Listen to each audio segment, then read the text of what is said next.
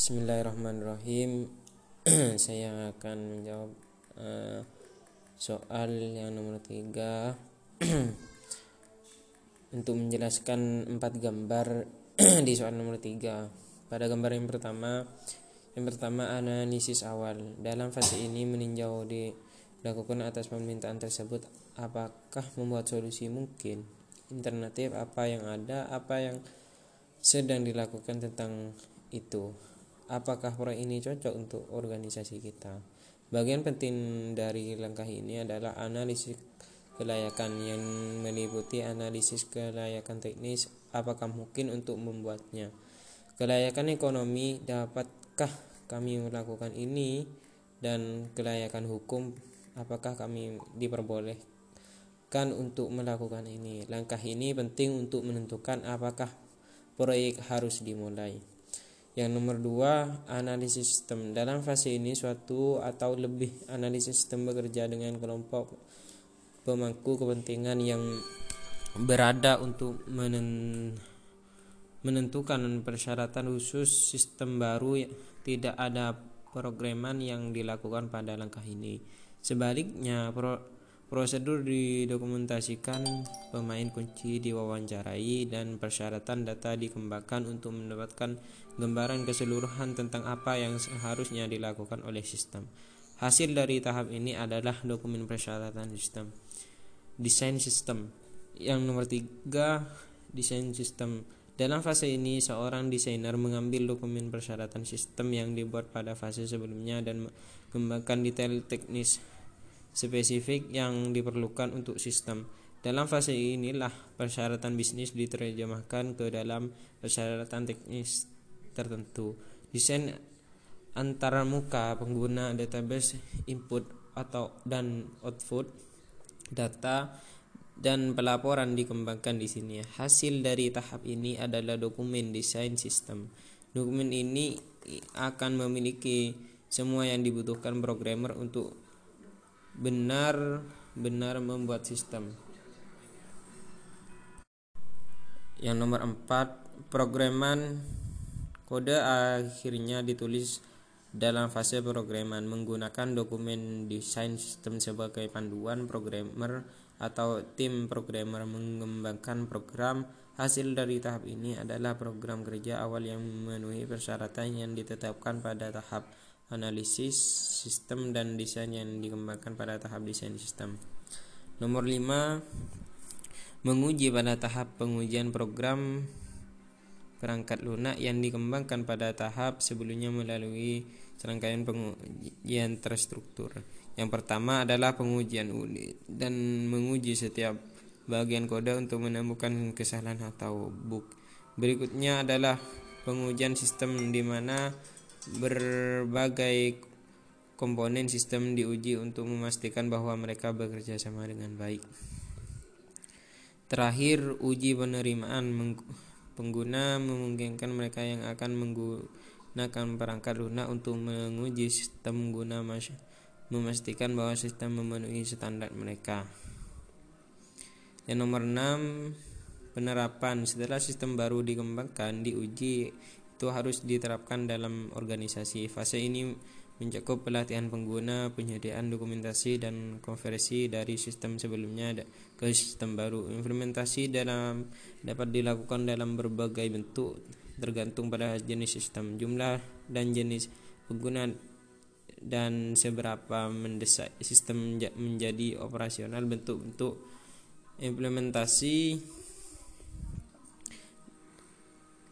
yang berbeda ini akan dibahas nanti dalam ini.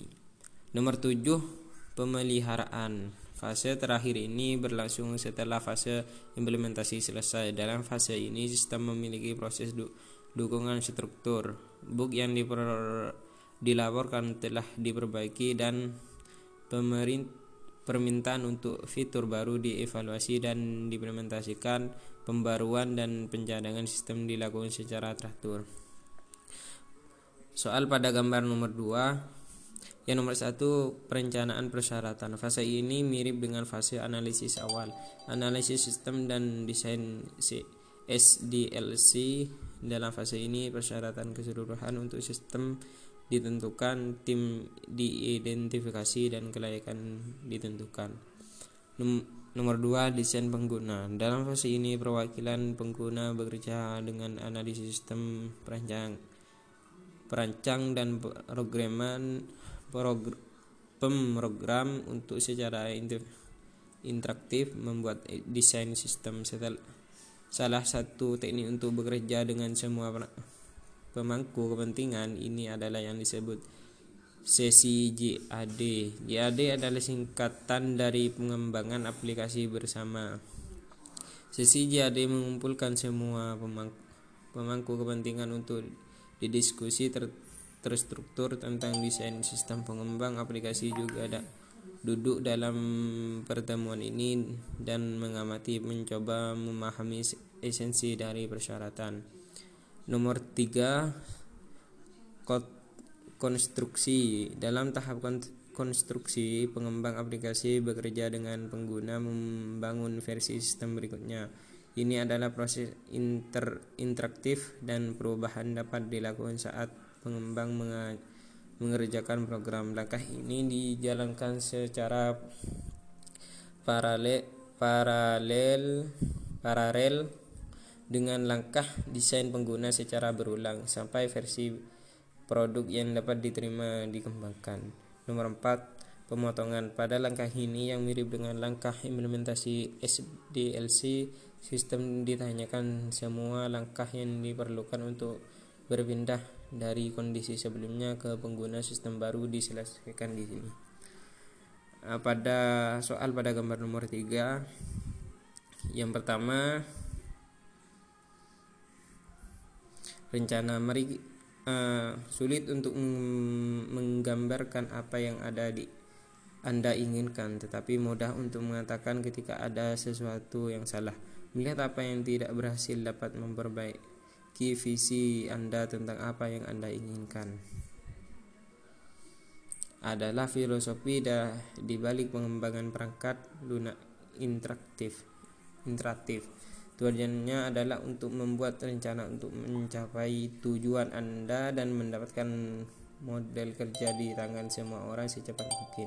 Tidak harus rumit, mulailah dengan bagian belakang desain serbet mungkin pasarkan antarmuka pengguna dengan alat seperti move low dan yang paling penting dari semuanya jangan lupa untuk menggambarkan apa yang ingin Anda dapatkan selain laporan pes laporan pesanan atau potongan informasi yang Anda kumpulkan sangat penting saat merencanakan bagaimana mengumpulkan, menyimpan, dan memanfaatkan data tersebut. berkolaborasi.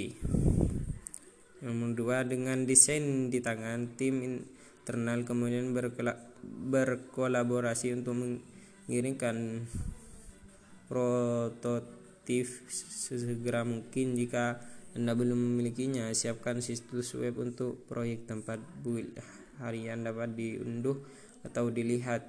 Kirim tangkapan layar untuk mendapatkan um, umpan balik jika distribusinya rumit. Kirim. Bagian yang sulit adalah membatasi setiap versi hanya pada fitur yang telah disepakati. Jangan lupa semua ide hebat itu untuk itulah daftar permintaan fitur. Tetapi jangan kaget jika proyek mengambil arah baru setelah rilis. Inilah alasan sebenarnya kami tidak menambahkan semua fitur sekaligus. Berikan serangkaian fitur uji dap dapatkan umpan balik lalu kembali ke daftar fitur untuk melihat apa yang seharusnya dirilis berikutnya. Pendekatan ini juga memungkinkan pengguna akhir menentukan kapan mereka memiliki nilai yang mereka butuhkan dan hanya membayar fitur yang benar-benar mereka butuhkan karena semua orang terlibat dalam proses pengembangan tidak ada kejutan dan semua orang akhirnya puas soal pada nomor 4 pada gambar nomor 4 dalam metodologi ini fokusnya adalah mengambil ide awal dan mengembangkan produk yang layak minimum MVP adalah aplikasi perangkat lunak yang berfungsi dengan fungsionalitas yang cukup untuk mendemonstrasikan ide di balik proyek tersebut. Setelah MVP dikembangkan, MVP diberikan pada calon pengguna untuk ditinjau. Umpan balik tentang MVP dihasilkan dalam dua bentuk. Yang pertama, observasi dan diskusi langsung dengan pengguna. Dan nomor dua, statistik pengguna yang dikumpulkan dari perangkat lunak itu sendiri dengan menggunakan dua bentuk umpan balik ini. Tim menentukan apakah mereka harus melenceng ke arah yang sama atau memikirkan kembali ide inti di balik proyek meng mengubah fungsi dan membuat MVP baru perubahan strategi ini disebut pros poros.